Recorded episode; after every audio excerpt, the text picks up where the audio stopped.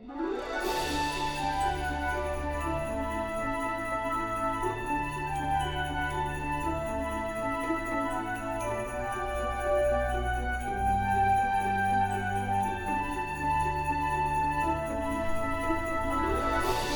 Sobat Muda Kekasih Tuhan.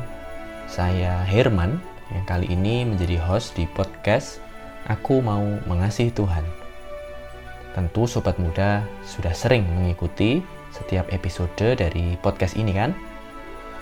Ya, podcast yang dibuat oleh Wonogiri Student Revival atau WSR ini mengajak Sobat Muda untuk belajar mengasihi Tuhan Podcast ini akan rilis setiap hari Jumat jam 3 sore jadi setialah mengikuti setiap episodenya ya.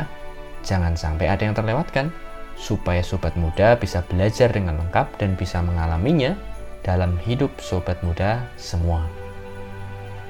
Selama bulan Desember ini, kita belajar tentang tema yang terkait dengan Natal. Lalu, tema apa saja yang akan dibahas? Jangan ke mana-mana, stay tune terus di sini ya.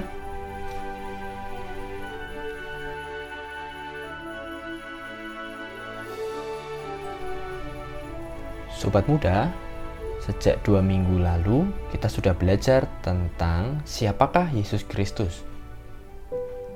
Dia adalah manusia sejati sekaligus juga Allah sejati. Setelah mengenali siapakah Yesus Kristus, selama dua episode ke depan kita akan belajar tentang sesuatu yang menjadi sifat utama Yesus Kristus, yaitu kasih yang sejati.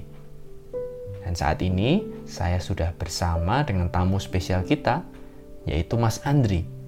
Mari kita sapa dulu. Halo Mas Andri, apa kabar? Shalom, halo Mas Irman.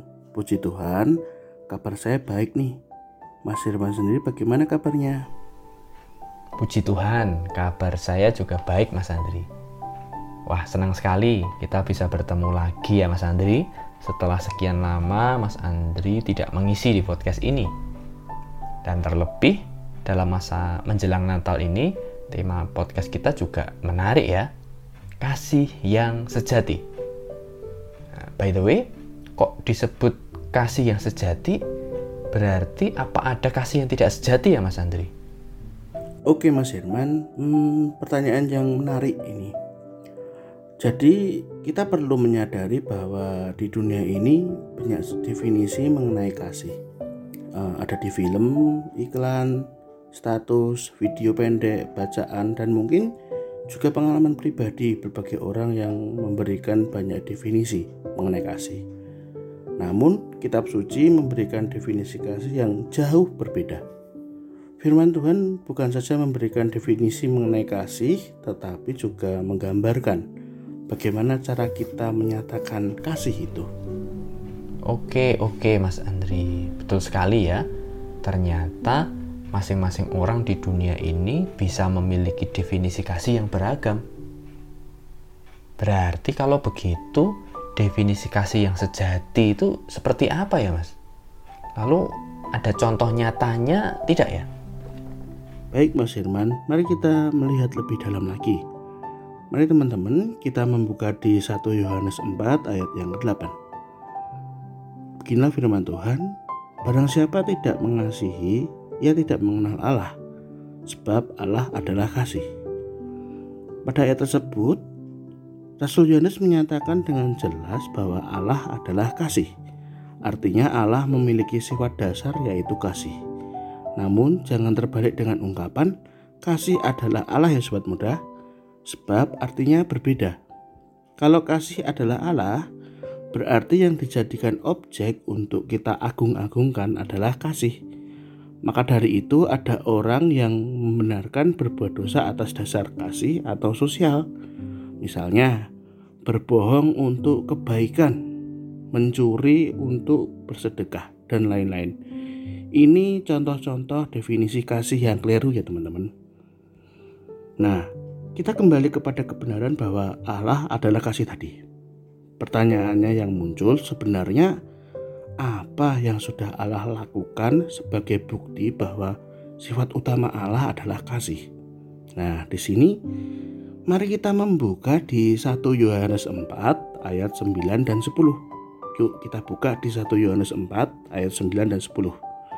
Beginilah firman Tuhan, dalam hal inilah kasih Allah dinyatakan di tengah-tengah kita yaitu bahwa Allah telah mengutus anaknya yang tunggal ke dalam dunia supaya kita hidup olehnya. Inilah kasih itu. Bukan kita yang telah mengasihi Allah, tetapi Allah yang telah mengasihi kita dan yang telah mengutus anaknya sebagai pendamaian bagi dosa-dosa kita. Suatu fakta yang Allah nyatakan adalah kasihnya kepada dunia ini. Cara Allah mengasihi dunia adalah mengutus anaknya yang tunggal yaitu Yesus Kristus menjadi pendamaian. Yang tidak boleh kita abaikan, apa sebenarnya tujuan kasih Allah ini? Nah, di sini ya, tujuannya ialah supaya manusia itu bisa hidup kekal dan didamaikan atas dosa-dosanya. Nah, jika kita renungkan dengan mendalam betapa besar dan murninya kasih Allah ini. Allah mengasihi bukan untuk kepentingannya sendiri, melainkan untuk kepentingannya dan persoalannya yang dihadapi manusia. Bahkan untuk mengasihi manusia ini Allah harus berkorban dengan luar biasa teman-teman. Kalau mau dihitung dengan Allah yang mengasihi manusia itu, Allah sebenarnya tidak memperoleh manfaat apa pun. Kasih itu tidak mengurangi dan menambahkan apa pun dalam pribadi Allah yang sempurna itu. Inilah kasih yang sejati itu, sobat muda. Kasih sejati itu dilakukan dengan murni dan penuh pengorbanan untuk tujuan bagi kepentingan pihak lain tanpa mengharapkan imbalan apa pun. Bahkan dengan kerelaan hati juga walaupun ditolak atau ditanggapi dengan buruk. Begitu teman-teman. Wah, luar biasa sekali kasih yang sejati itu kita alami dengan nyata dalam pribadi Allah lewat Yesus Kristus ya. Lalu kalau Allah sudah sedemikian mengasihi kita, kita semestinya menanggapi kasih Allah itu dengan seperti apa ya Mas?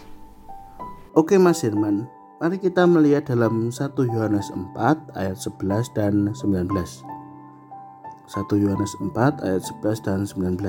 Beginilah firman Tuhan. Saudara-saudara yang terkasih, jika Allah sedemikian mengasihi kita, maka haruslah kita juga saling mengasihi. Kita mengasihi karena Allah lebih dahulu mengasihi kita. Baik teman-teman. Jadi karena Allah sudah sedemikian mengasihi kita, kita harus juga mengasihi. Tentu saja kasih ini ada sasarannya. Kepada siapa saja kira-kira kita harus mengasihi. Kita mulai dari mengasihi Allah sendiri. Mengasihi saudara-saudara seiman, mengasihi semua orang bahkan juga mengasihi musuh orang-orang yang menentang kita. Nah, sobat muda, marilah kita mengasihi seperti Allah sudah mengasihi, yaitu mengasihi dengan murni dan penuh pengorbanan untuk tujuan bagi kepentingan pihak lain tanpa mengharapkan imbalan apa pun. Bahkan dengan kerelaan hati juga walaupun ditolak atau ditanggapi dengan buruk. Begitu Mas Herman. Baik Mas Andri, Luar biasa sekali pelajaran tentang kasih sejati yang kita diskusikan minggu ini. Kiranya Tuhan menolong kita semua untuk mengasihi dengan kasih yang sejati. Sobat muda, jangan sampai kelewatan seri BTW di minggu depan ya. Terima kasih Mas Andri untuk apa yang sudah disampaikan minggu ini. Tuhan Yesus memberkati. Oke, terima kasih kembali Mas Herman. Tuhan memberkati Mas Herman dan sobat muda semua.